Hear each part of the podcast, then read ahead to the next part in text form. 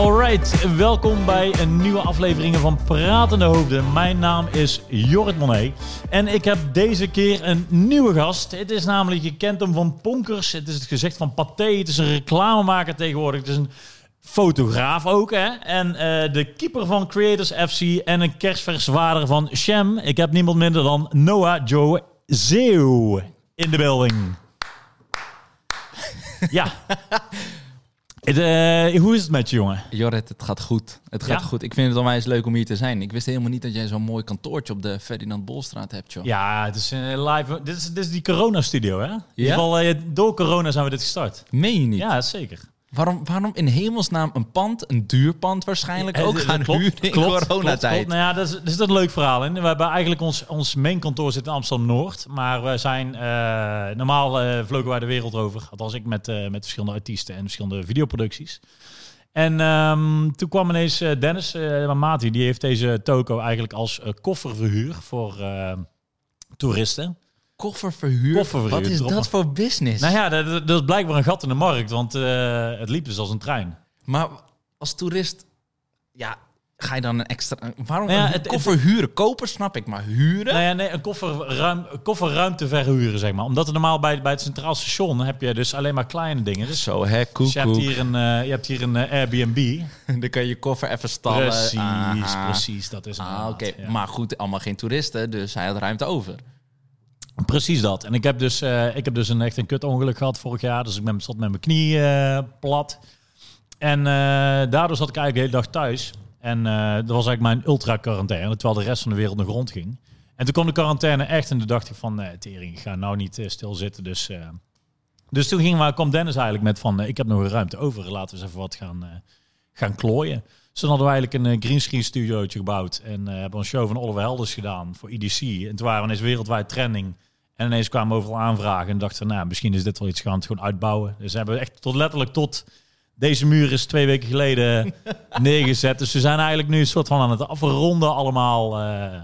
Ja, ik, Ja. Vind, ik vind het echt heel mooi gema eh, gemaakt. en nu dus geworden. inderdaad aan de voorkant podcast, een soort van semi-glazen huisidee. Het doet me een beetje denken aan de allereerste keer dat ik in eh, New York was. En dan hebben ze ook van die tv-studio's. En hebben ze ook gewoon eh, de ramen open. Nou, denk- Precies, op, eh, op een Times boulevard. Square. Precies, ja. En dat je gewoon mee kan. Kan je Ja. zwaaien naar je moeder. En dan sta je als een debiel natuurlijk Ja. op de. Oh. Ja, precies. nou ja, goed, we hebben echt wel, daarom gaat de deur nou ook op slot. We hebben best wel veel gekkies die hier voorbij komen, die soms ineens gewoon midden in een, eh, in een, in een corporate meeting hier, zeg maar, hadden we in het begin, stad gewoon iemand binnen, ja, ik kom gewoon even bij staan. Ja, ja. Eh, eh, Wil je toevallig sponsoren aan het Rode Kruis? Ja, precies. Ja. Nou ja, dat soort dingen. Dus, eh, dus vandaar dat er nu ook... eh, ja, het, het, trekt, het trekt mensen en dat, eh, ja, dat doe je wat mee. Ja, Of niet? ik vind het leuk. Ja, precies. Goed, ehm, ik vind het mooi. Ik ga het even over jou hebben, want de, de reden waarom je hier ook zit, is het mooie. We hebben, we hebben een redelijke niche-markt in onze podcast. En eh, de vorige keer zat ik hier met, eh, met Veras en we hadden het inderdaad over gehad over eh, Veras. Die was heel strikt en zei, kinderen krijgen ze het minst ambitieuze wat er is. Ik wil er zelf iets geme- genuanceerder in, want ik heb gewoon heel veel vrienden met ook carrière en ambitie en, en iets minder. Maar goed, jij had er daar op jouw story, had jij daar eh, vijf stories aan toegewijd. En dat vond ik mooi, want hij was... Ik heb een podcast gelezen en lala, ik zei, ja, dat is, dat, dat, zijn, dat is onze podcast. Dus die had jij geluisterd. Zeker. Ik Ja. was eh, reuze benieuwd natuurlijk. Precies, dus jij bent nu, eh, hoe lang is het nou? Een maandje denk ik nou vader van Shem? Nou, bijna twee maanden Twee al, ja. maanden alweer. Ja. Damn. Hey, time flies, man. hey, maar ik zeg al, je, je- ik, ik las er wordt een nieuw emotioneel level unlocked. Vertel eens even wat over jouw nieuwe kerstverse vaderschap. Ja, wat kan ik erover zeggen? Ehm, het feit dat je opeens een zoon hebt, dat, dat, dat, dat zorgt je- Ja, je, je relativeert dingen veel makkelijker. En ehm, je, je, voelt opeens veel meer bij eh, dingetjes die je normaal gesproken niet keek. Eh, laatst keken wij een film, A Piece of a Woman. Eh, een geweldige film eh, op, eh, op Netflix. En eh, ik zat daar gewoon jankt op de, op de bank, omdat het gaat over een vrouw die een miskraam heeft gehad. En eh, ik, ik kijk opeens programma's als eh, Lauren, ik wil een kind, weet je, of Lauren. en, ik Ja. zit, en ik vind het gewoon boeiend. Ja. En ik wist, weet je, dat zijn allemaal dingetjes die ik eh, twee jaar geleden absoluut had gezegd. Ja, boeien, heb ik geen zin in, doei. Maar nu kijk ik dat opeens allemaal. En ja, ik denk dat je als vader zijnde ben je gewoon net even wat meer... eh, ja, je, je bent emotioneel eventjes eh, op een eh, ander level. Je wordt even in een andere hoek geduwd. Iets wat je echt, ja, sorry helaas, voor iedereen die geen kinderen heeft, maar wat je gewoon echt alleen kan voelen als je papa bent. Precies. Nou ja, goed, een, een goed voorbeeld is, we hadden laatst een, eh, nou trouwens laatst, twee jaar geleden, hadden we een vriendenweekend mee. En eh, dan gaan we elk jaar met mij, onze maten van de, van de middelbare school.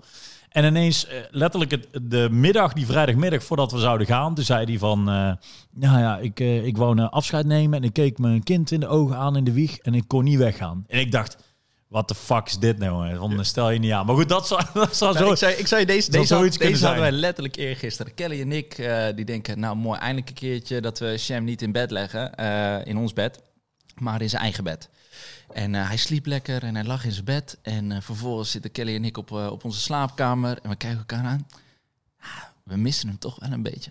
Kom, we, gaan, hem er gewoon bij en hij lag in bed. Ja. Maar ik wil nog eventjes terugkomen op dat wat, wat betreft ambitie. Want daar zat Ja. ik ook natuurlijk over na te denken. Ja. Ehm, ik denk heel eerlijk gezegd, je hebt ambitie of je hebt het niet. Want wij zaten natuurlijk eventjes met elkaar in de DM erover Ja, te praten. en, en dat er natuurlijk mensen zijn die vaak ook wel zeggen van... joh, ik ben, ik ben vader of ik ben moeder en daarom doe ik bepaalde dingen niet. Ik denk dat het gewoon een beetje in het aard van het beestje zit. Ik denk dat volwassen worden, eh, daar, het- daar heb ik het hier vaak ook met mijn broers over gehad. We hebben een heel raar eh, manier van ontwikkelen als mens. We, we hebben constant iemand die ons vertelt wat we moeten doen... tot en met onze Ja, studie aan toe. Zeker. En als je daarna een job hebt, dan heb je een baas die vertelt wat voor werk je moet doen. Maar er is niemand die ons vertelt hoe we moeten leven. Er is, dat zijn alleen je papa en mama die je vertellen hoe, hoe, je moet omgaan Nee, nee, met, dat, eh, dat met een heel verdriet goed, of heel met, goed met liefde. Ja, ja. En ehm, eh, dus dat wilde ik sowieso zeggen. En wat betreft dan met ambitie, weet je, als jij eh, bang bent voor die buitenwereld, of nou ja, bang, als jij eh, je wilt voor safe spelen, of je houdt van avontuur, eh, of je wilt heel hoog in, in, de, in de hiërarchie van een, van, een, van een bedrijf komen, ja, dat is ambitie. En dat heb je of dat heb je niet. Net als talent. Ja, nou ja, goed. Deels wel mee eens. Ik denk ook wel dat je op een gegeven moment van als jij. Eh, als je echt iets wil, en wat bij wijze van spreken niet aan fysiek is neergelegd. Kijk, als ik basketballer wil worden, dan wordt dat misschien moeilijker. Maar als ik bij wijze van spreken echt ambitie heb, ik wil een piloot worden, dan zou ik dat kunnen worden. Ja. Dus als je zeg maar iets wa- wat je, wat je eh, als je echt graag genoeg wilt, wat niet. Exact. Je moet het willen. Je, je moet, Ja. En, en dan, weet je, als iemand eh, eh, ja, eh, kinderen heeft en zegt van, ja, nou, ja, nee, ik wil, eh, nee, ik heb een kind, dus ik kan het niet doen. Dat is niet, dat, ja, dat is, ik weet niet of iemand het ooit heeft gezegd, maar ik vind het een slap excuus. Ik hoor die vaak. Ik vind het een slap excuus, want eigenlijk wil je niet eh, de echte waarheid vertellen. En of je, eh, weet je, en zo hebben we nog veel meer situaties waar we Ja, niet ja. de echte waarheid vertellen, maar gewoon even een smoesje. En dat is ja, ik vind dat kwalijk als je zegt dat je, als je daarvoor je kinderen gebruikt. Ja, Ja, ja nee, het, het ding is meer van, van, eh, van, want van ondernemen eh, komt financiële onzekerheid mee, zeg maar. Dus, dus stel dat jij inderdaad, zegt- wat, wat ik dan vaak hoor, is van, eh, nou joh, het vet, je reist veel, dat kan ik niet. Nou ja, goed, reizen is moeilijker als je kinderen hebt. Kan nog steeds. Je tijd, dat is wat anders natuurlijk als ambitie. Tijd Precies. is inderdaad bij mij heel anders. Ja. Ik moet goed plannen en communiceren. En dat is ook iets wat heel goed eh, is om juist te leren. eh, Ja. En daar nu met je, met je neus op de feiten te worden gedrukt. Dus je groeit ervan. Dus Ja. dat is wel een voordeel. Maar inderdaad, ik kan, eh, als ik nu weer inderdaad wil zeggen... joh, hey schat, ik ga even drie maanden naar, Nieuwe naar klus. Azië. Inderdaad, precies. Nieuwe klus. ja, dan moeten we daar natuurlijk even over praten. Ja. Dat is niet van morgen pak ik mijn koffers en ik ben gone. Nee, wat eerst wel kon natuurlijk. Nou ja, Theoretisch. Als ik helemaal single was geweest, ja. Maar zelfs al heb je een vriendin, eh, dan is Ja, nee, dan is het ook al inderdaad. Maar goed, dat, is- dat is ook alweer. En die reden krijg je ook veel. Ja, ik heb een vriendin of ik heb dit of ik heb dat. Dus eh, ehm, ja, wat ik inderdaad eens hoor is van, van eh, het, het reizen. Of in ieder geval, de reizen wordt dus moeilijk inderdaad. Maar ook de financiën. Want ja, maar ik moet, moet een gezin onderhouden.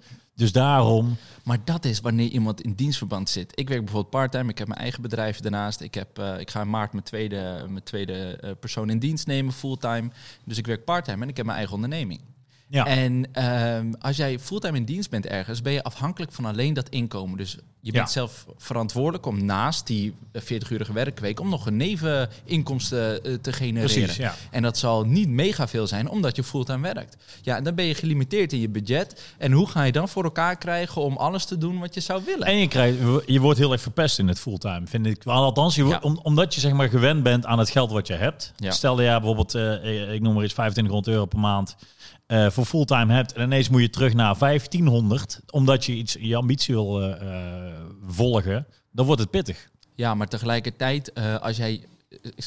ik kreeg bijvoorbeeld twee jaar geleden de kans om in Brazilië te gaan voetballen. En dan zou ik eh 1100 euro. eh, Is, is jouw eh, keeperscarrière zo eh, serieus? Hey, Eh, ik, zag, Vierde divisie Brazilië, zie- nee, maar ik zie- this.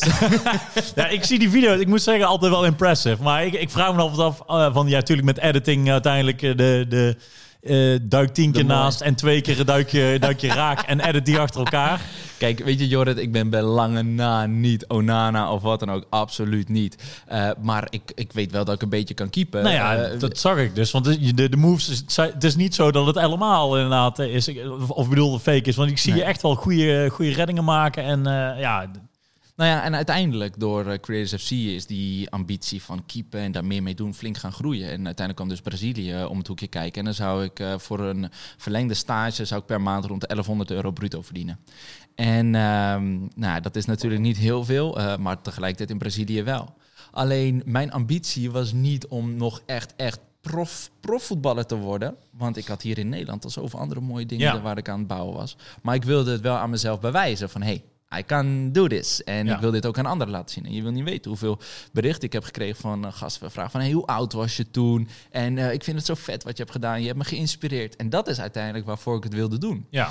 Eh, want als zou ik het voor het financiële plaatje moeten doen, zou er een andere vorm van ambitie in mij moeten zitten. Ja. Dat ik die 1100 euro zou accepteren en alles in Nederland achter zou laten.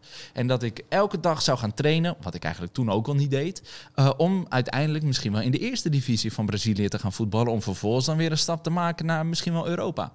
Maar dat, de- die vorm van ambitie, die zit niet in mij. Ik kan niet op één ding. Je introduceerde mij al op, eh, weet ik veel, allerlei verschillende manieren. Precies. Ik hou te veel van het leven en het avontuur wat het met zich meebrengt. En dat vind ik ook een mooie ding. Want bijvoorbeeld Veras hadden we het er ook bij. En ik zie mezelf ook in dat straat. Eigenlijk van dat je, dat je multi-ambitieus bent. In ieder geval dat je denkt van... Ik wil, ik wil gewoon alles bij wijze spreken. Want en Jorrit, ook, Jorrit we, Ja. zijn, we zijn hier maar voor een bepaalde tijd. We Ja. weten één ding, dat is we worden geboren en we mogen eh, God, Allah, wie dan ook bedanken dat we eh, gezond zijn Ja. en dat we doodgaan. Ja. En als jij je druk gaat maken over een bepaalde deadline of wat dan ook en je bedenkt dat opeens weer eventjes, dan denk je bij jezelf, wat ben ik in hemelsnaam aan het doen? Ja. Maar ik vind het interessant, want mij altijd zeg maar, omdat ik vanuit alle kanten, ik ben eigenlijk eerst psycholoog geweest, daarna eh, in de game design, presentator bij, bij Game Kings, daarna hier zeg maar eh, vanuit alle, alle kanten eigenlijk, eh, ook achter de schermen en nu ook weer muziek aan maken, whatever. Ik kreeg altijd die uitspraak van als je heel veel dingen kan, kan je eigenlijk niets. Nou, daar ben ik het dus helemaal niet mee eens. Nee, ik zat eh, toevallig naar een andere podcast te luisteren. eh, en ik weet even, ik ben even zijn naam ontschoten. Maar die eh gozer die is onwijs succesvol als YouTuber. Heeft geen miljoenen views. Die is gewoon heel stabiel. Gaat al heel lang, heel Ja. lang mee. En die deed in zijn tienerjaren was hij eigenlijk ook een mannenchef van alles. Die was Ja. al wel een beetje aan het ondernemen. Eh, en zijn moeder zei op een gegeven moment ook van... Schat, moet je niet eigenlijk gewoon in één ding gewoon goed gaan worden en dat gaan doen? Precies, ja. En eh, hij, eh, hij is dat volledig niet gaan doen. Maar wat hij wel leerde, is dat hij, waar hij minder goed in was, dat hij iemand vond die daar wel goed in was. En die betrok hij dan in dat project. Ja. En dat is denk ik, dat als je dat talent hebt, dan kan je, dat zijn ondernemers, denk ik. Ja, ja. Nou ja, dat denk ik dus ook inderdaad. Van, van het, hetgene waar je, waar je niet goed in bent, moet je gewoon iemand inhuren die beter is dan jij. En daar leer je van. Exact. Dat hebben we zelf ook op set gedaan, want ik vind film maken hartstikke leuk. Maar we af en toe onze, onze DOP, die we dan, als we de luxe hebben en het grote budget, dan huren we een betere DOP in. Tuurlijk. En dan dat is gewoon afkijken. Hoe leuk is dat? Ja, ja dat is Ik- fucking vet. Ik vind niks leukers dan eh, op nieuwe dingen leren. Eh, wel, ik, ik heb geen studie gedaan voor hetgeen wat ik doe. Dat komt allemaal door de mensen om me heen eh, waar ik van heb mogen leren. Ik had eh, toen wij stopten met Ponkers, het YouTube-kanaal. nee, dat was recent toen ik van jaargang wisselde. De, toen ik 27 werd. Toen had ik ook opgeschreven van wat er afgelopen jaar was gebeurd. Een soort van psychologisch iets voor mezelf. Ja. Dat ik ook zei van ja, weet je, Ponkers is voor mij de beste studie die ik ooit heb gehad. Ik heb in die zes jaar tijd dat ik het heb gedaan, heb ik leren eh, editen, heb ik geleerd hoe een camera in elkaar steekt, hoe je shots moet maken, nou fotografie erbij, Ja. hoe je video's überhaupt moet maken. En dat had ik bij geen enkele studie kunnen leren zo. ja, ik zeg ook altijd, een goede, ook bijvoorbeeld een goede leerschool of een goede mentor zeggen ze eigenlijk belangrijker dan een goede studie. 100%. Heb jij je studie afgerond? Nee, ik heb, eh, ik heb een jaar lang International Business and Languages gedaan op de Hogeschool van Rotterdam. Ja. Ik, wilde, ik vond eh, internationaal relatiemanager, werd het toen nog genoemd. Hè? Heel oudbollig. Daarna Ja. werd het natuurlijk eh, account manager. Nou, inmiddels weet ik wat een account manager is. En ik heb heel, Ja. veel, ik heb heel veel respect voor die mensen. Ik heb heel veel Ja, ja, respect. Ja, ik doe het ze niet na. Nee, snap ik. Maar ik wilde toen heel graag... mijn neef die woont in Kaapstad. Die had daar een heel mooi bedrijf. En die was goed met allerlei filmstudio's in contact. En die zei van, je moet daar en, en daar eens even proberen qua... voor een stage wellicht. Ja. Dus ik dat proberen. Ik had denk ik eh, nou, drie, drie, vier berichtjes gestuurd. Nul reactie terug gehad. En ik dacht, ja, ik ben zo'n omweg aan het nemen voor hetgeen wat ik het allerleukste vind om te doen. Namelijk gewoon bezig zijn met presenteren, acteren en video's maken. Ja. Eh, ik stop gewoon met mijn studie en ik ga vloem recht op mijn doel af. En dat was de Filmacademie. Opleiding productie, ook uitgeknikkerd, laatste ronde in die selectie. en toen kwam YouTube eigenlijk om de hoek kijken. En eh, nou, de, de rest is... Want eh, hoe is dat, hoe is dat Ponkers eigenlijk ontstaan? Dus jullie zijn eigenlijk, want eh, jullie zijn eigenlijk bij elkaar geraapt als een soort boyband. Moet Ja. ik zeg maar zo'n idee? Of hoe, jullie Ja. kennen elkaar zeg maar niet, toch? Nee, ik, ik denk als je er zo op terugkijkt, is, is Ponkers een, ja, een heel mooi verhaal, denk ik. als je het hebt over de, het, het commercialiseren van de, van de online media. Want Mediakracht, dat was eigenlijk het eerste eh, bureau of eh, productiehuis dat zich focuste op social content maken. En eigenlijk op de organische manier om vervolgens dan adverteerders erbij te betrekken. En geloof mij, Jorrit, niet iedereen dacht bij zichzelf: wat is dit, joh? Krijgen jullie betaald om video's te maken? Jullie krijgen gewoon een maandsalaris. Terwijl iemand Ja. anders op zijn slaapkamer, ja, die moest in zijn eigen tijd die video's maken en hopen op een adverteerder. Of dat het CPM een beetje gunstig was en dat je op Ja. de views gewoon geld kon verdienen. Ja. Dus wij werden in, eh, wat dat betreft een beetje met argusogen aangekeken. En eh, nou, later kreeg je ook RTL MCN natuurlijk, eh eh, het Bold en eh, eh, RTL Concentrate. En je ziet eigenlijk nu een aantal jaren verder zijn dat het nooit een, een, een eh, financieel gezond ehm, ja, strategie was. Nee. Want zelfs eh, is gewoon volledig gestopt met hun on- eh, online activiteiten. Ja. Ja, dat is- dat zijn interessante talks die ik laatst ook sowieso hoor. Dat eigenlijk de views genereren niet genoeg voor wat de productiewaarde is, zeg maar, bij veel. Als je bijvoorbeeld naar een stuk tv kijkt of... of eh, Nou, ik, vraag me inderdaad, ik vraag me inderdaad af of Stuk TV... eh, nou, ik denk dat Stuk TV wel winstgevend Ja, is. Maar je hebt die zij- andere gierige gasten. Ja. Ik, ik weet het niet. Ik weet Nou niet omdat, het- omdat zeg maar, zij zeiden, want ik zat laatst met Giel ook in een, eh, ehm, in een clubhouse meeting. En inderdaad, hij zei, je hebt inderdaad zo'n zo'n Opel en een Samsung nodig om zeg maar die, die productiekosten te maken. En bijvoorbeeld als je kijkt naar een Mr. Beast, die, zijn, zijn video's kosten meer dan dat het hem oplevert qua views. Alleen het zijn die nevenactiviteiten en die, die, hele, zeg maar, die hele constructie dat het uiteindelijk zeg maar, rendabel is. Ja, klopt. Eh, wat ik me trouwens aan afvraag, eh, hoe, hoe zit dat? Wat zie jij in jouw omgeving? Jij zit natuurlijk heel erg in de muziekindustrie, Ook, bijvoorbeeld ook ja. met DJ's. Hè? Wij denken bij onszelf, zij verdienen alleen op streams en de eh, festivals natuurlijk. Nou ja, dat is nu gewoon echt bikkelen. Want eh, die jongens inderdaad, je, je maakt muziek, dat is eigenlijk, dat doe je voor gratis en eigenlijk bereik. Maar zijn er artiesten die meer verdienen op, laten we zeggen, hun merchandise dan op hun streams en, eh, en festivals? Ehm, dat is een goede vraag. Nou ja, ik weet dat de jongens van Monstercat dat bijvoorbeeld wel doen. Die zijn zeg maar heel erg in de gaming. En die, die hebben bijvoorbeeld een deal met, een, met de Rocket League bijvoorbeeld. Als je in een game zit, dat daar zeg maar heel veel omzet wordt gegenereerd. Maar volgens mij is het letterlijk... eh 9 van de 10 arti- artiesten is gewoon bufferen nu. Het is gewoon letterlijk Ja. wachten, wachten, wachten. Want het zijn die tours die, die het uiteindelijk winstgevend maken. Want die, kijk, die, die videoplays, dat is populariteit maken. Uiteindelijk eh, ja, genereren ook wel, als je een monster het hebt, dan kun je er inderdaad wel, eh, wel geld mee verdienen. Maar uiteindelijk die shows, dat is, daar pak je je geld mee. Ja. Dus die hebben het wel, die hebben het wel zwaarder inderdaad. Ja. ja, maar goed, om terug te komen op Mr. Beast, ja, dat is natuurlijk ook ja, dat is natuurlijk geweldig om, om te zien hoe zij eh, vanuit een internationale omgeving wel eh, gigantisch veel publiek hebben. Maar dus hij zal waarschijnlijk, hij, hij kan deze uitgaven doen. Ik zie dat in Nederland. Nee. Hebben we natuurlijk van Dutch Performante. Maar goed, die verdient ook niet alleen zijn geld natuurlijk met de socials. Het zijn die, teu- het zijn het is die tegelfabrikant natuurlijk, wat hij je? zeg maar. Dus het is die nevenactiviteit. Het is letterlijk die, die, die, die fysieke dingen die, die verkopen. Bijvoorbeeld als je naar het merchandise hebt of wat dan ook. Eh, ik denk dat Enzo Knol ook al met die trui eh, of zijn merch. eh, Ik, nou ja, weet je, we proberen altijd een inschatting te maken van oh, wat zou die verdienen of wat zet een stuk tv om. Ehm, maar goed, we vergeten met dat soort nevenactiviteiten eh, dat er ook bij op te tellen. En daar kan je bijna geen inschatting op maken. nee. Eh, ja, Maar het is een interessante ontwikkeling in ieder geval. Dat er gewoon het soort personages wel meer een, een brand worden. In plaats van dat het is een brand combi- combinatie met een, met een artiest. Maar dat het eerder de artiest nu zelf zeg maar degene is die de omzet gaat genereren. Nou, ik, wat ik wel zie is dat eh, je nu een hele sterke, nou, eigenlijk al een aantal jaren eigenlijk door de komst van social media zou je wel kunnen zeggen dat eh, merken meer ontstaan vanuit de persoon. Hè? Ik Ja. neem bijvoorbeeld Gymshark vind ik een mooie. Ja. Dat- is gewoon iemand. Zou, ja precies ja. ja. Dat is een heel mooi voorbeeld van hoe ik ook de merken de komende jaren zie ontwikkelen. Het is niet van, hey, ik heb hier een potje gel, ik noem het dit en vervolgens gaat dat groeien. Nee, er moet een gezicht bij zitten. Ja. En eh, zoals bijvoorbeeld een Day One met JJ Boske. Ja. Ja. dat, dat vind ik wel de strategie voor als jij een nieuw merk Een wilt. platform eh, maken, hè? Qua ja. parfum en dan, die, en dan het evenement en dat soort dingen. Echt gewoon een, ja, gewoon een heel brand opbouwen. Het is, eh, eigenlijk, eigenlijk hoe, want eh, ik ben altijd eh, van het gezegde, weet je, eh, het verhaal blijft hetzelfde, maar de vorm verandert. Want. Albert Heijn is ook ooit gestart. Weet je, ik, eh, ik liep een keertje in, eh in Watergraafsmeer de Albert Heijn binnen en dan zie je heel groot een foto van een oude man. Nou, ik gok dat het Albert Ja. Heijn is. Misschien heb ik het mis, maar dat is wel wat ik denk. Ja. Bij de KFC, de kolonel. Dat bedoel Ja. ik. Of hij het ooit is geweest, geen Nee. idee. Maar dat is natuurlijk wel hoe al die merken ooit zijn begonnen. Ja, Ja. ze zijn er al honderden jaren. Maar goed, wij, wij zijn natuurlijk opgegroeid met gewoon... Ja, oh, we zien het logo van Albert Heijn. Oh, dat is er. Ja. Maar dat is ook allemaal ooit begonnen met... Maar een beeld is natuurlijk heel sterk. Bijvoorbeeld de Mickey Mouse, Disney en eh, Ronald McDonald. Ja, maar het is ook wel Walt Disney. Ja, ja. Dus we zien bij Walt Disney denken we niet, we denken misschien wel, we zien voor ons eh, misschien Mickey Mouse, maar denk je twee tellen over, dan is het wel gelijk Walt Disney. Ja. Die, eh, dat is de persoon. Maar minder zijn, meer zijn handtekening dan, dan de persoon zelf krijg je dan in je hoofd ook. Ja, ik heb geen idee. Of heb je niet? Ik weet wel dat hij een eh, dun snorretje had en eh, eh, dat ze zeggen dat iets is ingevroren. Is die nou helemaal ingevroren? Ik heb geen idee, man. daar, heb ik, daar gaan wel eens conspiracy theorieën inderdaad, over. inderdaad.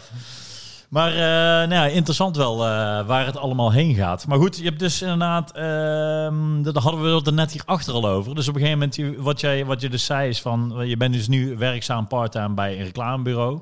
In het begin was je zeg maar aan de onderkant van een reclamebureau, van je was een soort van, hoe kun je het noemen, de operator van een, van een campagne, als Ja. in bij Bonkers. Ja, ik denk heel eerlijk gezegd, en dat is echt, eigenlijk niet heel leuk om te zeggen, maar het, het gros van de, om het zo maar te zeggen, eh, influencers, ja, je bent eigenlijk niks anders dan een soort doorgeefluik.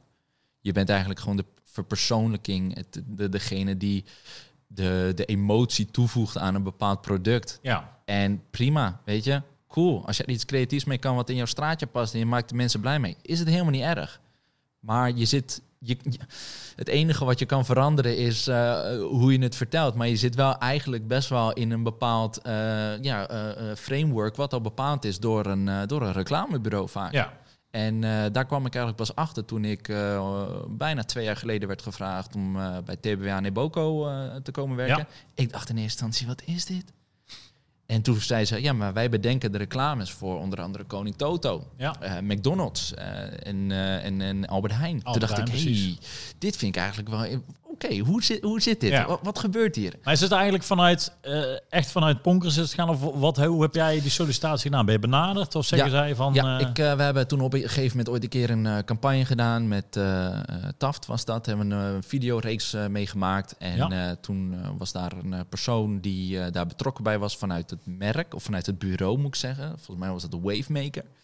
En eh, die, eh, eh, die had een keer een lunch gehad met de managing director van TBA. En die zei van, joh, ik zoek nog iemand die mijn social team kan ondersteunen. En nou, die persoon van Wavemaker, die, die inmiddels ergens anders zit, die, die zei van, "Ah, ik heb wel iets voorbij zien komen. Noah, die is in principe vrij op de markt. ja. Misschien een beetje eens, even met hem babbelen. En nou, de, die gesprekken, we hebben denk ik een stuk of vier, vijf gesprekken gehad. En eh, verdeeld over twee, drie maanden. En uiteindelijk in eh, maart 2018 ben ik erbij eh, ga- gaan zitten. Wel op voorwaarde van part-time. Want ik, ja, wat we al zeiden, fulltime werkt voor mij niet. En weet je, dan ga je alleen maar frictie krijgen. Ik, ik, ik vind dat ook een interessant punt. Want ik ben zeg maar ook eh, ik ben ook part-time bij een bedrijf aan het werken, een videogame company. Ehm, als ik daar fulltime zou zitten, dan zou het ook alweer zeg maar pittig zijn. Ik vind juist die combinatie wel lekker. Want ook wat name ook is, als ik fulltime zou reizen, dan raak je dat ook bij. Het is juist die dynamiek wat het interessant maakt. Exact. En dat is juist wat ik iedereen zou willen aanmoedigen. Dat wat er in je opkomt, doe dat. Ja, Niemand, echt waar, niemand geeft geen ene fuck om jou. Eh, het- het- je doet wat je bedenkt, wat, Ja. je, wat je moet doen. Ik heb met Ponkers, joh, ik heb Ik ben uit vliegtuigen gesprongen, eh, wel met parachute. Eh, ik, eh, ik heb geparaglide. Ik heb alles, allerlei avonturen beleefd. En ik ben zo blij dat ik die kans daarvoor heb gekregen. Want ik gun het iedereen. Want dan ga je... Hè, je mijn broers en ik die kijken vaak Ronald Goedemond. En ik weet niet meer wanneer die dat zei. En op een gegeven moment zei hij... hè, dan heb je het gevoel dat je leeft. Ja, En die precies. imitatie die maken we dan naar elkaar. En dat is eigenlijk wel, weet je, wat ik al eerder zei. Je gaat sowieso dood. Dus zorg ervoor dat je het gevoel hebt dat je minimaal één keer in de week leeft. Precies. Maar goed, nogmaals inderdaad, eh, eh, even weer terug naar het, naar het ouderschap inderdaad. Want nou, jij, jij hebt dus al, je hebt die, al die strepen al gemaakt. Maar stel dat jij nou heel vroeg vader bent en je hebt nog dat gevoel van... hé, hey, dit wil ik nog. Wat, wat, wat voor tips zou je die geven om, om dat alsnog Ehm. te krijgen? Want jij hebt zeg maar dit hele soort van, ik zeg van ja, eerst geleefd en nu bij wijze van spreken, als jij morgen dood gaat, dan... Ik Eh, zou het wel heel vervelend vinden. En ik denk Ja, tuurlijk. mijn vriendin en mijn zoon ik, ook. gun ik niemand, gun ik niemand. Maar dan heb je in ieder geval wel gezegd van ik heb geleefd. In plaats van dat je zeg maar te vroeg een soort van Ja, nee joh, eh, de, tips voor de mensen die eh, misschien... eh, eh, ik, ik denk dat het vooral is dat veel mensen van mijn leeftijd... die zijn eerder, denk ik... eh, om het nou, misschien niet helemaal correct gezegd... maar bang om misschien vader te worden. Want we vertellen wel vaak... eerder denk ik vanuit de grap van... oh, je leven is voorbij, je kan helemaal niks meer doen. Ja. Jorrit, ik sta gisteren een commercial te draaien. Ik heb mijn zoon op schoot. Ik zag het ja. En- ik zag en het stories ja. En ik ben gewoon lekker samen met hem aan het regisseren. Dat is exact hoe ik het vaderschap voor me zie. En het kan. Ja. Je hebt wel natuurlijk wel een goede partner nodig, want je bent niet alleen papa. Dus je partner die moet ook begrijpen wat je doet. En dat is wel heel erg belangrijk. En dat kan in een week zijn. Sommige mensen of relaties doen daar zes jaar over. Maar ik heb ook gehoord dat er eh, relaties die, eh, die eh, zes, zeven, misschien wel tien jaar bezig zijn, hebben kinderen en die gaan opeens scheiden. Dus tijd is wat dat betreft, ja, dat maakt geen drol uit. Het gaat erom, heb je een goede partner waar je op aan kan, die jouw werk begrijpt en jouw ambities en jou daar de ruimte voor kan geven, joh, dan is alles mogelijk. Ja. Nou, dat vind ik wel in ieder geval wel een mooie tip. Ehm, ik wou nog even teruggaan naar... eh, oh ja, nee, inderdaad, het part-time ding. Want ik, ik merk inderdaad met best wel veel mensen om me heen... die zeggen ook inderdaad, die, die weten nog niet precies wat ze willen.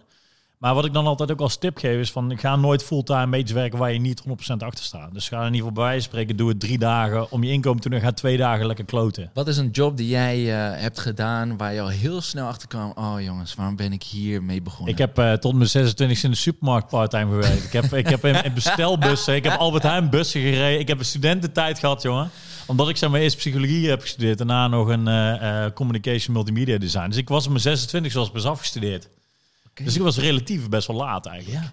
En het mooie is, ik heb bijvoorbeeld onze stagiair gehad, die is nu 19. Die hebben wel echt al zo getraind. En ik, ik, aan de andere kant ben ik ook wel blij dat ik relatief laat pas op de plek ben waar ik nu ben. Want, eh, want eh, het ding is, door al die rare eh, eh, posities weet ik heel goed wat ik niet wil. En ik denk dat dat nog meer waardevol is dan weten wat je wel wil. 100 procent. Ik vind dat we door wat we zien op social media en, eh, en überhaupt het leven wat heel erg wordt geadoreerd is eh, het succes. Waardoor we het beeld hebben, oh die weten in één keer hoe, eh, hoe het werkt, Ja. hoe het leven werkt. We zien de successen van een Jeff Bezos. Oh, in één keer Amazon en bam, groot Met letterlijk, het is geen reet aan om één, in één keer blijkbaar, voor, althans lijkt mij. Dat ook niet. Maar wij, ja, dat is ook weer het grappige aan ons als mens. Eh, we vinden er ook geen reet aan om naar iemand te kijken die helemaal in zijn garagebox eh, begint. Nee, precies. Tenzij de film Wolf of Wall Street heet, dan vinden we het wel leuk, want dan wordt het Ja. verhaaltje in een uurtje of twee verteld. Alleen, ik zat laatst met iemand te hebben over een, eh, een soort documentaire plan wat ik in, eh, Ja. in gedachten heb eh, om te maken. En ik zei tegen hem, moeten we dan van elke dag een aflevering maken? Hè? Dat je echt gewoon dat hele traject laat zien. Ook de ter in de saai zit. Exact. Of Ja. moet je hem inderdaad gaan opdelen en dat je zegt van joh, ik ga die periode in gelijke stukjes hakken en dat je er in- één keer per week een aflevering van maakt. En ja, dan weet je, het eerste wat hij zei is ja, ik zou het toch gewoon even ophakken. Dat kijkt toch net even wat lekkerder. Ja. Maar ja, dat is inderdaad wel in elkaar steken. Ja, ga je, ga je voor realisme of ga je voor eh, romantiek, zeg maar? Exact. En, en dat is denk ik wat, wat, wat ik zou wat meer eh, levens echt mogen worden. Dat we ook daar wat meer aandacht aan kunnen geven. Maar ja, dat is, dat, joh, zoiets kan je zo moeilijk, die mindset kan je zo moeilijk veranderen. Ja, nee, eens, eens. Ehm, terug naar het, eh, het alles kunnen zijnde. Dus inderdaad, eh, ehm, Jij was, er, ook- maar jij was er ook niet mee eens. Een saai gesprek. Als, wij, als mensen allebei ergens mee eens zijn Ja. dat ze het niet eens zijn met iets. Oké, precies inderdaad. Nee, dit is zeker weten. ik ben het er niet mee eens. Ik ben het er, niet mee, ik ben het er wel mee eens. Dat als je van alles wat kan, dat je eh, dat je eigenlijk helemaal niks kan. Nou, even verklaar je nader. Ja, goeie. Nee, goed, ik geloof nog steeds wel in bijvoorbeeld dat, eh, dat er sommige mensen... Ik heb die, die discussie af en toe wel eens met, met, eh, met mijn collega Dimitri. Bijvoorbeeld. Als je dan... Stel dat je een hele goede regisseur bent en je bent puur daarin goed. En van maar wat voor niks regisseur? Wat, voor? Denis Villeneuve bijvoorbeeld. Jij bent ook filmkenner en ja, eh, een, een ja, hele zij- goede regisseur. Ja, ik vind het heel knap wat hij doet, maar weet je, dingen zoals die Blade Runner en, en Dune, het zijn, het zijn kunstwerken. Ja, En ik weet niet of je ooit in een museum bent geweest. Vast wel. En je ziet schilderijen. plaatjes, en ook kunstwerken. Ja. En eh, het is een beetje hetzelfde voor mij soms alsof ik naar, naar een balletvoorstelling eh, zit te kijken. Je, je moet heel erg ernaar kijken om het te kunnen waarderen. Het is niet dat je zegt van nou schat, kom vanavond gaan we even lekker June nee, kijken. nee, precies. Nou, al weet ik dan niet. We hebben hem niet gezien natuurlijk. Maar, Maar goed, maar goed, maar precies, ik ook nog niet. Jij helaas. stiekem bij Pathé eh, even on the side mag je al, maar jij mag eerder die films kijken, hè? Ik kijk eh, vanuit persvoorstellingen kijk ik inderdaad wel eens films eerder. Ja. En dat is dan met de distributeur die dan af en toe wel eens met eh Pathé wat afspreekt om daar dan de voorstelling te draaien. Maar goed, wij wijken weer een beetje af. Precies, inderdaad. We, we- we gaan terug naar dat, dat, Mooie plaatjes. De regisseur. Ja. Nee, de regisseur. Je Regisseur, zei, je ja, hebt een mooie regisseur die echt alleen dat kan. ja, Daar was jij. ja. Nou ja, goed, dan, heb je, dan ben je op zich hartstikke goed daarin. En het interesseert me niet dat hij niet goed kan, geen muziek kan maken of kan schilderen of wat dan ook. Nee, want op dat moment heb jij die regisseur nodig. Ja, Of- dus, maar we, want we, we hebben het over als jij eigenlijk eh, van alles wat kan, dat je eigenlijk niks kan. ja precies. Ja. Maar hij is gewoon, eh, althans ik weet niet wat hij voor de rest nog meer kan, maar hij is gewoon heel goed in één ding, is hij een van de beste, zeg maar. Ja. Dus wat ik, wat ik wel denk is van, als jij heel veel dingen kan, kan jij heel goed worden, maar niet de, de beste.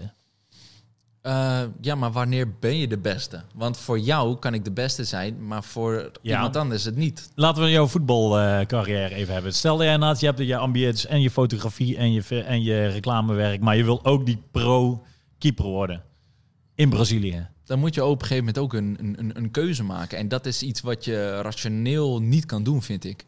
Ik vind niet dat je in je hoofd kan zeggen van nou en nu, eh, ik, word, ja, ik, ik vind alle drie heel leuk. ehm, en ik vind het allebei even leuk. Nee, er is één van die drie dingen die vind je Leuker. vind je leuker. Ja, ja. Maar daar wel aan toegevoegd. We zijn geen robots. Dat kunnen, nou ja, sommigen kunnen dat wel heel strak doortrekken. Maar ik vind soms in het weekend, als ik drie, eh, ik noem maar wat, eh, drie weken heb gewerkt bij het reclamebureau. Joh, dan wordt het tijd om even lekker te voetballen hoor, kan ik je vertellen. Ja, nee, maar precies. Maar dat vind ik ook dus relaxed. Juist inderdaad die, die, die variatie. Maar daarom, ja, jij, was, jij was trouwens pro eh, eh, de kant, hè, dat je één ding wilde, één ding wilde kunnen, toch? Nee, ja, in- ik ben even de In- deze- in de ja, in, boeman, in, hè? de- in deze discussie. Ik ben, in, feite ben ik, eh, ben ik het echt met je eens. Ja. Ja. Dus, nou ja, goed. nogmaals, nou, elke bijvoorbeeld met, met dat toeren, zeg maar, wat ik de afgelopen, vanaf 2014 eigenlijk best wel veel heb gedaan, was maar ook mijn max drie weken. Want op een gegeven moment, je weet niet meer waar je bent, je weet niet meer wat je aan het doen bent. Je bent op een gegeven moment, stelde jij nou bijvoorbeeld met, met, die, met die topartiest staat en iedereen staat handen lucht, confetti, dit zijn eigenlijk de vetste dingen, bijvoorbeeld een Tomorrowland, maar dat elke dag drie weken lang. Op een gegeven moment denk je ook, oh, dat is hetzelfde rondje weer. Ja, maar som, dat vind ik ook weer juist bewonderingswaardig. Ik ben eigenlijk stiekem ook wel een beetje jaloers. Ik weet nog bij ons, eh, Martijn van Ponkers, die was altijd heel sterk in camera edit. Ja. That, that's my thing. En dat doet hij nu nog steeds. En ik vind dat best wel bewonderingswaardig dat hij daar heel strak in is. Ja, ja. En dat hij gewoon zegt van, dit ben ik. En ik dacht dan bij mezelf, ja, fuck. Ik eigenlijk dat ook. Nee, ik, vind dat ook heel vet. Nee, maar maar ik, het- ja. dit ben ik. Ja. Ja, ja, precies. Nee, maar daar, dat is wel weer, dat is wel weer, dat vind ik wel een goed punt. Want inderdaad, eh, eh, eh, bijvoorbeeld bij, ik was naar mijn collega bijvoorbeeld, die is bijvoorbeeld, die is wat verder in het regisseren en in het scripten, zeg maar. Die is, die echt zijn passie is dat, zeg maar. En daar zie ik hem volledig in opgaan, echt Ja. in de diepte. En denk van, oh, omdat ik ook zoveel afleiding heb en zoveel dingen leuk vind, kan ik daar ook minder focus op leggen of zo. Ja. Ik vind eh, dat heb ik eigenlijk ook. Ik ben, eh, ja, wat dat betreft. Lekker een beetje dit, een beetje dat. En dan maar uiteindelijk zeg maar, maar als ik dan ergens lekker mee bezig ben, dan ben ik ook wel weer snel afgeleid of zo. Nee, ik, hoef niet, nee ik, ben niet, ik ben niet zo snel eh, afgeleid. Als ik in, bijvoorbeeld op draaidagen, jongen, ik ga zo lekker op draaidagen. Want dan Ja. kan ik gewoon mijn kop daarbij houden. Bam, je bent in het moment en er wordt op dit moment aandacht van je gevraagd. Ja. En dat vind ik, eh, daar kan ik wel mijn aandacht bij houden. Maar ja, dat is ook wel een rush natuurlijk. Omdat het zeg maar, dat is heel, heel hectisch. Bijvoorbeeld echt na, na een draaidag bijvoorbeeld van de clip, dan, dan, ja, dan, dan ben je er gewoon volledig in. En dan ben je nou ook helemaal afgepeigerd. En dan echt adrenaline rush, zeg maar. Klopt. Maar ook dat doe je maar een aantal dagen. En daarna moet je weer eventjes... moet je, naar even tranquilo. bank. Precies. Ja, zeker. Ja. Dus maar goed, la- eh, eh, ik ben het dus eens met dat. eh, ik ben het niet eens met. Als je alles kan, kan je eigenlijk niks. Maar ik vind het bewonderingswaardig dat mensen gewoon een passie hebben voor één ding. Voor één ding en Helemaal eens. Maar als ze er helemaal blij mee zijn, dan sowieso, dat is sowieso het argument. Als je blij bent met je leven, hey, Hey. dan is er geen... Cheers on that, bro. ja. Precies, whatever works, weet je. Maar ehm, ja, vanuit, vanuit, vanuit eigen eh, instantie eh, sowieso respect inderdaad Ja. voor degene die juist die focus hebben. Maar wat, wat jij in jouw omgeving ziet, hè, zijn het eh, de mensen. Zie, ken jij meer mensen die eigenlijk niet zo goed weten wat ze moeten doen en eh, eigenlijk van alles wat kunnen? Of juist eh, veel mensen die wel goed weten wat ze willen en daar ook heel goed in zijn? Nou ja, ik, ik heb een mix, zeg maar, vanuit mijn eh, vrienden uit Prinsenbeek, dat is waar ik mee ben opgegroeid, is, er zitten heel veel ambitieuze jongens bij, maar toch inderdaad, de wereld is allemaal redelijk dichtbij. We komen uit Prinsenbeek, leven allemaal in Prinsenbeek of Breda, partner allemaal in de omstreken en ja, een aantal gaan ambitieus wel, wel groeien wel door, maar het is toch wel een beetje van, dit is het leven voor mij en dan af en toe een uitstapje. En dan heb ik ja, vrienden uit Amsterdam hier en dan zie ik nu af en toe best wel wat wasted potential, wat ik denk van, het zijn zulke goede getalenteerde jongens, maar dan inderdaad bijvoorbeeld dan, dan kiezen ze toch weer voor veiligheid of wat dan ook. Of dat, dat ik denk, daar zit meer in of zo. Ja. En op wat voor manier veiligheid dan? Eh, nou ja, gewoon een, gewoon een baan. Gewoon een, eh, een baan waar ze dan eigenlijk... Nou ja, ik ga het gewoon, ik ga het gewoon noemen. Apple. Ik heb bij Apple gewerkt eh, eh, 2010. En had Apple's top, eh topwerkgever trouwens. Helemaal top. En ja, maar sommige mensen die hebben gewoon veel meer daarin. En dan denk je van, nou ja, dan, dan blijft het bij, bij verkoop van, van apparatuur. Wat eigenlijk ook nogmaals hartstikke prima is als je helemaal mee eh, eh, tevreden bent. Maar ik denk dat toch sommige mensen die, die, die ambiëren dan toch meer. Bijvoorbeeld die doen dan on the side, doen ze bijvoorbeeld, eh, noem maar iets, VJ'en of filmen of, of muziek maken. En dan denk ik toch, die zijn eigenlijk hartstikke, hartstikke top daarin. Want ik denk, als zij erdoor zouden gaan, dan zouden ze echt wel daar een carrière voor kunnen maken. Maar dan kiezen ze toch voor eh, en hoe die vastigheid. het, hoe, hoe komt het dat ze kiezen voor die vastigheid? Omdat daar, ja, ik denk, nou ja, goed, dan weer die Jij, veiligheid. jij hebt psychologie gestudeerd. Ja, ja, weet ja. Ik ga het aan jou vragen natuurlijk. Nee, nee, precies. Maar daardoor een soort van wel, wel die... die, die Ik eh, vind dat een hele leuke vraag. Ook voor de mensen die eh, naar de Clubhouse zitten luisteren. Of eh, waar dan ook deze podcast sessie. Laat ook in de reacties weten wat jouw perspectief erop is. ja, Eh, eh, waarom kiezen mensen niet voor hun eh, talent, hun een potentie, droom. hun droom? Ja. Waarom niet? Ja, maar het, ding is, ik denk dat ook gewoon wel, wel eh, ehm, daarmee te maken heeft. Ik, had toen, eh, ik was een tijdje, een paar, een jaartje geleden, was ik bij mijn eh, oude middelbare school uitgenodigd. Om te praten over nou ja, mensen die soort van, die, die succes hadden in hun carrière. Ik zat er met iemand van Esso en, en iemand van, van Booking. Heel interessant, want mijn, mijn, ja, mijn carrière is alles behalve eh, rechtlijnig. Vanuit de ene kant de psychologie, daarna bij, bij Game Kings. eh, eh, Dan heel- Albert Heijn vrachtwagen Albert gereden. Heijn, Ja. Precies, maar ik vroeg dus aan, aan die kids van, van eh, eh, wie wist er vroeger wat ze wilden worden? Nou, ik wilde vroeger treinmachinist worden. Ja, dat is ook ik vond gelukt. treinen fucking Ja. en, eh, en, en ik zei van wie weet er nu wat ze willen worden? En eigenlijk al die handen gingen omlaag. En eigenlijk op de middelbare school, je wordt op je achttiende al verwacht dat jij weet wat je wil gaan worden. En op onze studie werd eigenlijk een soort van, ja nee, goed, econoom, economie was cool. Althans, daar werd je veel voor getraind. Eh, wat was er nog meer? Ja, een soort van en, en, en wiskunde. Maar Ja. eigenlijk een soort van, je, je wordt eigenlijk nog niet echt klaargestoomd voor, voor live, zeg maar. nee, eh, hadden laatst, eh, mijn vader was jarig en we speelden toen een spel. Mijn vader, geweldige gast, die heeft dus alle Pickwick blaadjes Ja? van die thee, weet je wel, daar staat Ja, een ja. vraag op. Die, Ja. die, die spaart Oh, die, ja, ja, ja, die gooit hij in een bak. Een soort van die levenslessen, toch? Levensvragen, ja. Dus een van die vragen, die werd toen op een gegeven moment gesteld aan eh, mijn moeder. En dat was van, eh, ja, als je één vak, eh, of welk vak miste je op school? Toen zeiden ze, ja, wat ik wel zou missen, of wat, wat ik heel erg mis, of als ik dat zou mogen toevoegen, ik weet niet meer exact, dat was dan eh, School of Life. En ik dacht bij mezelf, ja, verrek, daar heeft ze wel een heel goed punt, want Ja, niemand die jou vertelt dat je eigenlijk op je vijftiende, als jij profvoetballer wil worden, hey, ga alsjeblieft elke dag naar buiten lekker voetballen. Nee hoor, wat wordt ons verteld? Doe je huiswerk. Eh, eh, weet je, ik denk dat er wel een bepaalde basis moet zijn, hè? vandaar basisschool. ja. Maar ehm, dat er daarna veel meer moet worden gekeken naar, en dat is ja, ook vanuit docent, ik denk dat ze dat natuurlijk ook al hartstikke goed doen. Maar blijkbaar gaat er toch nog wel vaak iets mis, denk ik, dat mensen niet eh, durven hun eigen droom achterna te gaan. Hun eigen potentie. En, som, en je hebt er ook heel veel bij, bij zitten. Dat is natuurlijk wel zo. Die het allemaal wel best vinden. Ja, nee, maar, Want je maar- kiest er niet voor om geboren te worden, hè? Je- Nee, dus- nee. Ja, je, je kan wel zeggen eh, dat je heel hard hebt gezwommen, maar ik kan me er niks van herinneren dat ik het snelste was. Maar ja, Nee. toch zit ik er wel. Ja, mooi dat je dat zegt inderdaad. Maar eh, nee, nee, eh, dat vind ik inderdaad, het hele schoolsysteem is eigenlijk wel, een beetje ouder, ouderwet, zeg maar. Dat Mijn, is heel ouderwets. mijn, mijn nichtje is bijvoorbeeld eh, laatst, ze is tien geworden laatst, is dan blijven zitten. ja. En ik denk van dat, dat blijven zitten, dat principe is eigenlijk toch gewoon veel te ouderwets, zeg maar. Want wat, wat is blijven zitten? Je, moet, je hebt een soort van uitgelegd van, hey, je hebt gefaald, eh live je moet een jaar overnieuw doen. Maar waarom? Hier heb je hem. En dan bijvoorbeeld, mijn, mijn, omdat mijn, mijn broer en zijn vriendin eh, zijn verhuisd, zeg maar. Ze moesten naar een andere school. Dus dat doet heel veel, mee, heel, doet heel veel voor zo'n kind. En dan zeg je ineens van, nee, je hebt gefaald. Doe een jaar overnieuw. Ik moet opeens denken aan een eh, meme die ik voorbij zag komen. Dat een jongen naar school toe was gegaan. Nou, neem jouw nichtje, die, Ja. eh, eh, die moest blijven zitten. Hè, gefaald. Die kwam Ja. thuis en die ging een computerspel spelen. En die had eh, eh, die zei van, oh, you've won, congratulations, you're awesome. Ja. En daar had, hij, daar had dat poppetje een glimlach. En ik denk dat dat het grote verschil is. Dat we door misschien de teleurstellingen in, in hoe we ons eigen leven aanpakken, dat we dat projecteren op anderen. Hè? dus van, oh, je hebt gefaald, je bent blijven zitten. Ah nee, dus het fout, nee, het moet anders. Dat, dat, dat we soms niet beseffen wat voor impact dat kan hebben. Terwijl we, als we dat juist positief of eh, constructieve feedback, om het even heel Ja. zwaar Ja, te ja, laten ja, ja, ja, ja, constructieve feedback. Eh, dat je dan veel, veel meer eh, plezier gaat beleven in gewoon dingen doen. En als het dan niet lukt, ja, weet je, dat je er zelf ook niet heel eh, zwaar aan hoeft te tillen.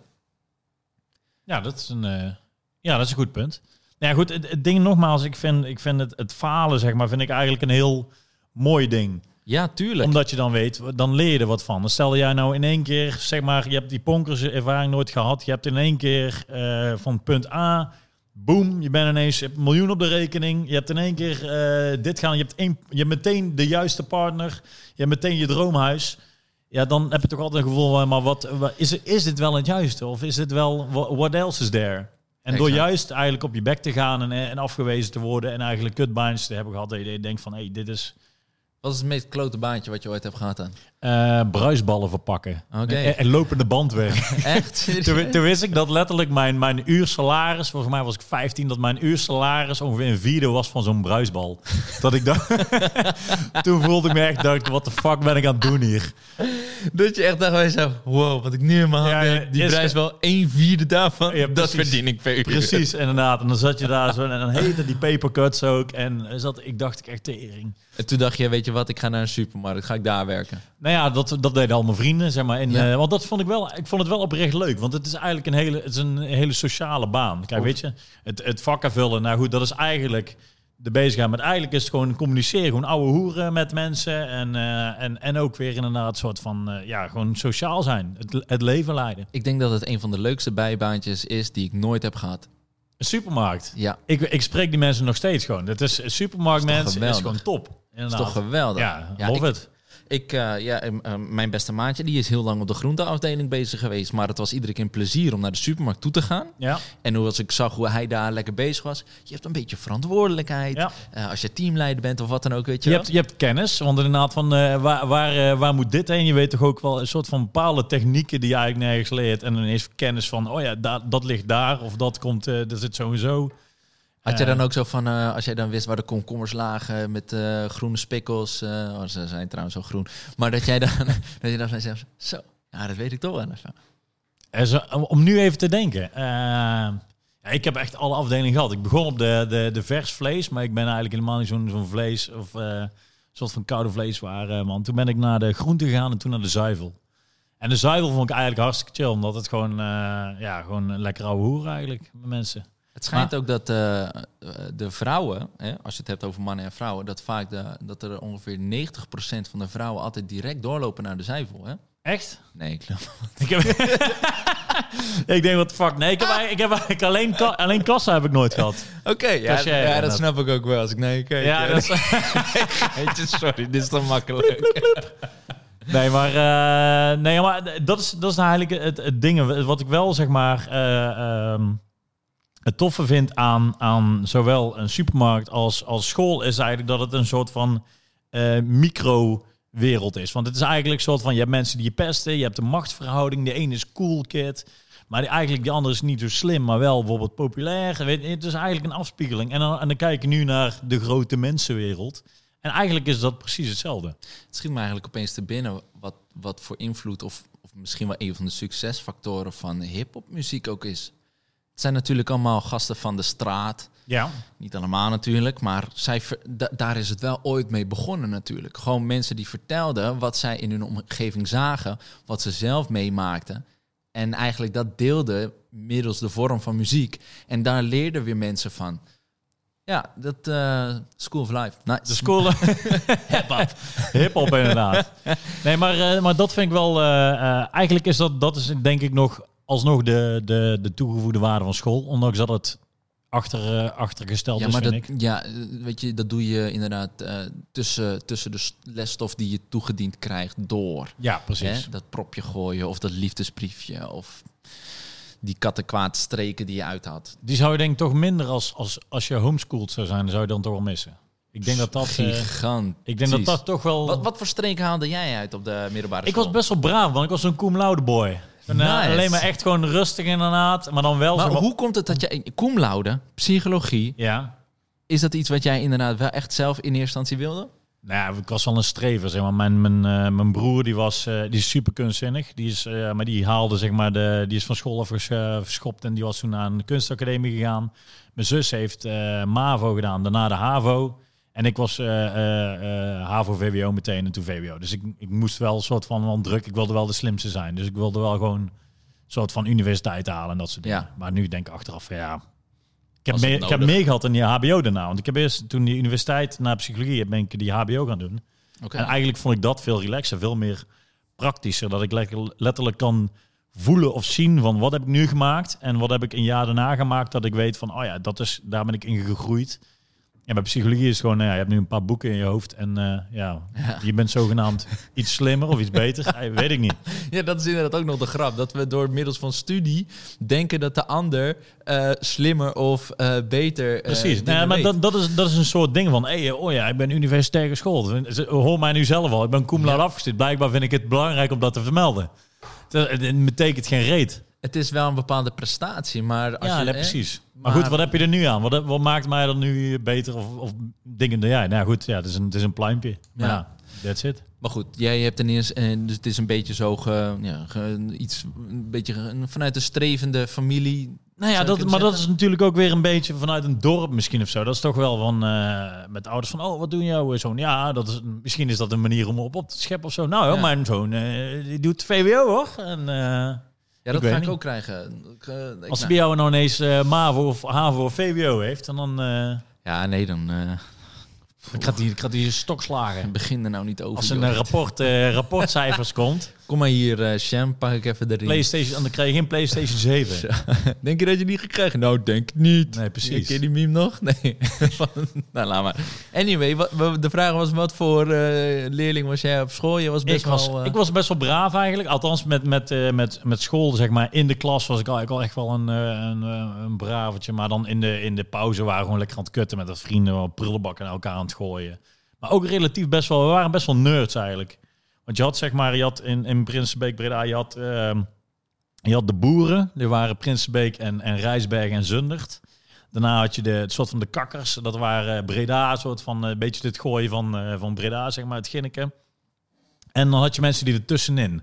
Maar ik had, ik had een beetje vrienden van beide. Want ik had wel, ik kom natuurlijk, ik was de boer, want ik kwam uit Prinsenbeek. Maar ik had wel ook vrienden van, van eh, hockeyclubs en dit en dat. Dus ik zat er een beetje tussenin, zeg maar. Dus ehm, ja, met, met stappen gaan eh, was ik gewoon wel een party animal. Maar eh, Maar goed, jij bent eigenlijk, dan zou je kunnen zeggen, eh, een beetje een brave jongen. naar Ja. eigenlijk een, een business wat eigenlijk de moderne rock and roll is, zou je kunnen zeggen. Ja. De EDM business. ja, nou ja, goed, dat is wel wel ding. Zeg maar, ik hou nog steeds van, van een feestje. Dus dat is wel, ja, da- daar, ja, dat wa- was eigenlijk vroeger al. Ja. Gewoon echt wel een party animal wat dat betreft. Wat is nou een van de gekste feestjes die jij hebt meegemaakt dan? Oeh, ja, ik denk toch wel Burning Man. 2014. Dat is wel, eh, Ja, door de woestijn heen. Dat je Iedereen een zegt altijd, als ze naar Burning Man zijn geweest, zeggen ze altijd Burning Man. Waarom Burning Ja, Man? het is, gewoon, het is gewoon een soort van een rare ding. Je gaat op een fiets met mijn, eh, met mijn maat uit Prinsenbeek, eh, Mark. Door- Helemaal vanuit Prinsenbeek naar Helemaal Burning Man. fiets. met Sander van Doorn waren we. Dus we waren met z'n drieën. En nou ja, op een gegeven moment ga je dus gewoon op een fiets. En dan komt er ineens een, zo'n, zo'n zandwolk. En dan, en dan weet je niet meer waar je bent. En dan staat er eens een man met een hotdogkraam. Het lijkt wel een film. En dan staat hij, hey, moet je een hotdog? Ja, is goed. En dan ga je een hotdog eten. En dan komt er weer een zandstorm. En dan gaat er een piratenboot voorbij. En dan zeg je, hey, kom je aan boord? Ja, dat is goed. Op die piratenboot. En dan krijg je een drankje. En dan... Het is letterlijk, er gebeuren zoveel shit. En ik heb nog nooit drugs gedaan, hè. Dus, maar dat, het voelt voor mij als een soort trip. Dat je denkt van, wat de fuck gebeurt hier? Ja, ik heb ook begrepen dat je dan echt alleen daar voor een aantal dagen bent. Eh, ik weet niet hoe het zit met de sanitaire voorzieningen. Eh, nou ja, wij, wij hadden dat betreft, wel waren wij eh, een soort van een luxe positie. Want een eh, White Ocean Camp, dat waren zeg maar alleen maar voor artiesten. Dus we hadden gewoon wc's, we hadden een douche. En we hadden een soort van, van die koepeltentjes van, van Firefest. Die toen zo- Weet je niet. Hadden jullie die? Zo'n- zo'n Oh, soort zo, dingen. Die, die- oh, die soort zo'n tentjes. soort eh, isolatietent inderdaad. Maar ik weet dat, dat twee, daar, twee jaar daarna waren zeg maar die... ja, was een soort van het kamp eh, gesaboteerd. Omdat het een soort van een elite, elite ding was... waar je niet alleen maar zomaar toegang mocht. Dus het gaat er meteen het principe in van Burning Man. Ja. Maar eh, Je, Ja, ja. Je, je noemt trouwens net Firefest. ja. Dat is iets wat jij waarschijnlijk met je vingers hebt lopen aflikken en zitten kijken. Het vette is, leuk feitje is dat mijn... Ik heb een Burning Man video gemaakt ooit in 2014. Dat mijn footage in die docu zit. Dus als jij naar de credits kijkt op die, fi- die, eh, die Netflix film... dan zie je Uppercut staan. Wat In de credits. Dus ze hebben mij, ze hebben mij gewoon een, eh, een, een check gestuurd voor mijn footage te gebruiken. Oh, je, hebt, je hebt wel een factuurtje gestuurd. Ik, ik kreeg letterlijk, dat is ook weer zo dom eigenlijk van, eh, van Amerika. Amerika die, die transfert het geld niet, maar die stuurt het met de post, sturen zij een Amerikaanse check van hier, alsjeblieft. Dit is, eh, hier kun je dus zoveel dollar voor, eh, zeg maar, ja, terughalen. Dus moest ik naar, dan ging ik toevallig naar Miami toe. Toen reis ik nog wat veel.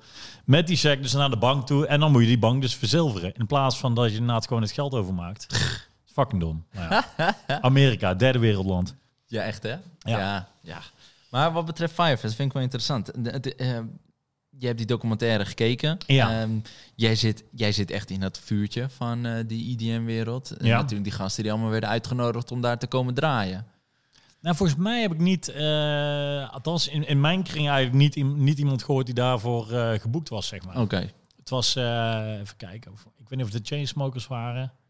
Voor mij waren het meer hip-hop gasten of Diplo, eh, meer Amerikaanse, zeg maar. Oké. Dus ehm, ja, wel een, eh, wel een mooie, een mooie een stukje geschiedenis. eh Het is... ik Die bende. eh, ach, als je het hebt over leed, verhalen- verma leed vermaakt to the max, zeg maar. Ja, ja, dat kan je... Oh. Het, ja, als ik, ik, ik zie opeens weer beelden voor me. Ja, Maar ook weer een soort van in, in, dat, in dat beginperiode van dit, dat influencer letterlijk eigenlijk een soort van nul toegevoegde waarde hebben. Letterlijk alleen maar plaatjes zijn. Zeg maar dat, dat je daar zeg maar wel. eh, Maar wel maximale impact. Ja, ja, ja zeker. Niet- zeker. Het is niet normaal natuurlijk. Dat, dat vind ik een heel mooi voorbeeld van hoe social media toen de tijd werkte. En dat we nu een generatie eigenlijk aan het opgroeien, of laten opgroeien, waarvan ik wel denk dat ze zich heel erg er bewust van zijn. Maar ik, ook, ik ben er nog niet van overtuigd. Ik vind het, nou ja, het, het, het mooie is, nogmaals, van, ik, eh, dat vorige keer zei ik het ook al, ik vind het echt top om een oom te zijn. Dat is echt mooi, omdat ik zeg maar, ik kan, eh, ik kan af en toe eh, met mijn neefjes en mijn nichtjes, kan ik, eh, kan ik lekker toekijken en ik kan ze en le- lekker lopen kloten en stangen, zeg maar, een soort van op een grappige manier. Maar het is interessant om al te zien dat, dat die zitten volledig op TikTok. En meteen die soort van eh, eh, methodes, hoe ze me opgaan van hi, een soort van meteen een influencer van de, de houdingen, de manier hoe ze praten, alsof ze een soort van allemaal tv-hosts zijn. Dat ik denk van wow, dat is van eh, ja, dat deden wij niet. Dan voel ik me weer een oude vent. Nee, ja, ik deed dat ook niet toen ik 15 was. Het is echt dat ik er eh, zo in ben gerold. Maar eh, ja, ik denk dat dat wel een beetje is. Ja, ik ben gewoon heel erg benieuwd hoe dat zich gaat ontwikkelen wat betreft eh, jeugd, hoe, hoe dat gaat. Ik denk dat het wel heel, heel leuk is. En ik ben gewoon heel erg benieuwd hoe, hoe kwetsbaar je eigenlijk bent. Want ik, dat denk ik namelijk wel. Ik denk dat je heel kwetsbaar bent, maar tegelijkertijd, ja...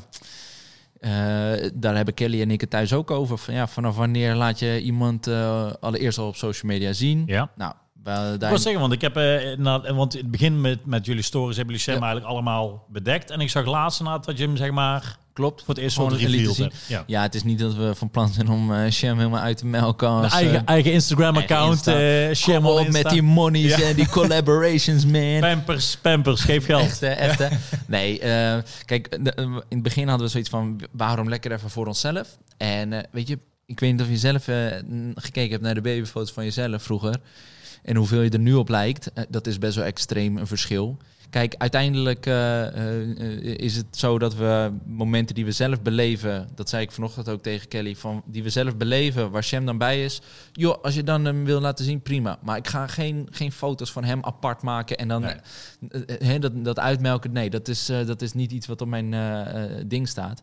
Wat ik wel eens sommige ouders horen zeggen. Hè, Giel de Winter die zei bijvoorbeeld, hè, ik wil gewoon dat mijn zoon zijn eigen... Hè, die, die ervoor kiest, zeg maar. ervoor, om de ervoor eigen ding. kiest, Ja. maar ook gewoon hè, dat, dat mensen hem niet beoordelen op eh, van, oh, jij bent de zoon van. Ehm, uiteindelijk heeft Shem nog steeds mijn achternaam. En als die ergens op staat, of als ik naar school toe ga om hem naar school toe te brengen, zien ze hem toch wel met mij. Ja. En zien ze toch wel de achternaam. En is het, weet je hoe vaak ik de vraag kreeg, oh, ben je familie van eh Demi? Ik zeg, joh, als je heel goed kijkt naar die, eh, naar die achternaam, is het Ja. de Zeeuw en ik heet Zeeuw. Dus nee, absoluut niet. Maar, eh, Maar je kan ook voetballen, dus dan moet je het toch wel ja, dat nul verband.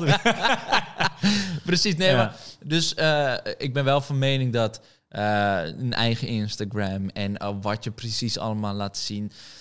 Daar eh, we hebben we het constant over. Dus Kelly en ik checken wel iedere keer altijd bij elkaar van... hey, vind je het oké als ik dit post en dit erbij zet? En eh, het is niet de bedoeling om dat uit te melken. Maar weet je, het is ook part of our life. Het is niet dat we hem gebruiken voor iets eh, verder. Nee, Ja, goed. Uiteindelijk is het nog zo van je moet posten waar je jezelf lekker bij voelt. En, en, absoluut. absoluut. en dat is je eigen verantwoordelijkheid ook, denk ik, inderdaad. Eh, ik wil het nog heel even hebben over eh, dromen, want je hebt eigenlijk al best wel veel dingen. Want hoe oud ben je nu? Ik ben net 27. Net 27. Nou, dat is nog steeds eh, relatief jong. Ik was, ik ook weer zoiets ik was hè? net een jaar uit Albertijn.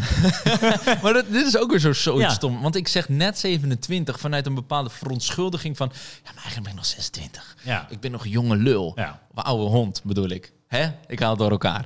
Nee, maar ik ben 27. Ja, punt. Ja, nee, maar eh, even kijken. Dus je hebt inderdaad, nou goed, Ponkers is een mooi hoofdstuk geweest. Nu bij een reclamebureau. Je hebt een eh, soort van voetbalcarrière op de site. Wat zijn, nog, zijn er nog punten waarvan je denkt, dit, die wil ik nog ooit een keer gaan ontwikkelen? Of, of verder Nou, ik, wat ik nu een beetje probeer is een, eh, een balans te vinden in, in eh, werk achter de schermen. Wat ik nu eigenlijk al twee jaar doe voor eh, een aantal merken vanuit het eh, reclamebureau, maar ook daarbuiten vanuit mijn eigen productiehuis. Maar ook daarnaast wat meer eigen content gaan maken. Mijn naam is natuurlijk Noah Joy Zeeuw. Ik roep wel eens vaker Enjoy en dan zonder de E. Eh, en, en ja, weet je, enjoy life. Eh, eigenlijk wat, hoe ik zelf in het leven sta. Hoe ik daar misschien een soort van platform om, van kan maken met mijn visie er eigenlijk op.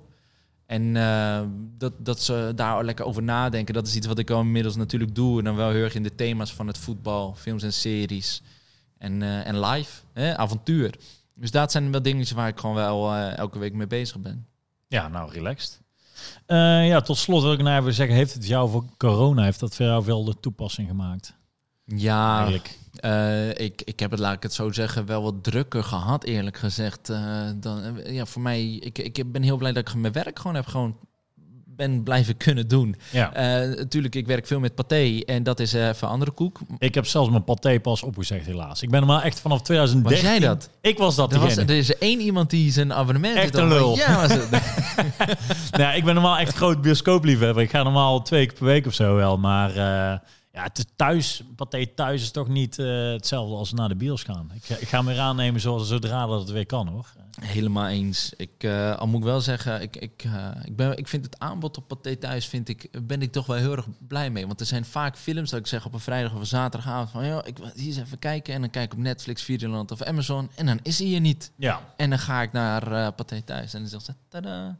Behalve één film, Jorrit. In welke? Die wil ik zo graag zien. Ik, ja, pff, ik ben ook te lui om die Blu-ray te bestellen. Welke? Casino. Van Martin Scorsese. Met eh, Robert De Staat die nergens op? Die kan ik op geen enkele streamingdienst vinden. Echt? Ja, grappig hè? Hmm. Ja, dat is interessant. Dus ik moet maar even een dvd'tje gaan bestellen. Een Blu-raytje in 4K. Ja, ja, ja, dat zou leuk zijn. Casino. Ik ga het eens even checken. Alright, uh, nou Noah, ik denk dat wij hier aan het einde zijn gekomen van deze podcast. Ik wil jou heel erg bedanken sowieso voor jou, uh, uh, voor het trouwe luisteren sowieso. Nou, eigenlijk, dat, is, dat is ook de reden waarom het hier zit. En ja, hetgene van je, je, je duidelijke praat over, over live. En, en het voorbeeld dat, dat ouderschap niet in, de, in de, de weg hoeft te zitten van dromen of carrière of wat dan ook. Dus wat je, laat, wat je laatste message naar die mensen die, die, die, die hun kinderen of, of een carrière zeg maar de schuld geven van nee, dat kan ik niet doen, want... Wat mijn laatste tip voor hen is, ja. luister gewoon heel goed naar wat je daadwerkelijk wilt en have some balls om vervolgens dat gewoon te doen en te zeggen. Doe het gewoon. Enjoy life. Just do it. Alright, nou dankjewel voor het uh, kijken, luisteren. Uh, abonneer het, volg ons, et cetera. En uh, mijn naam is Jorrit Monet en ik hoop dat jullie volgende keer weer zien en luisteren. Bedankt Jorrit en de kijkers. Yes, en later.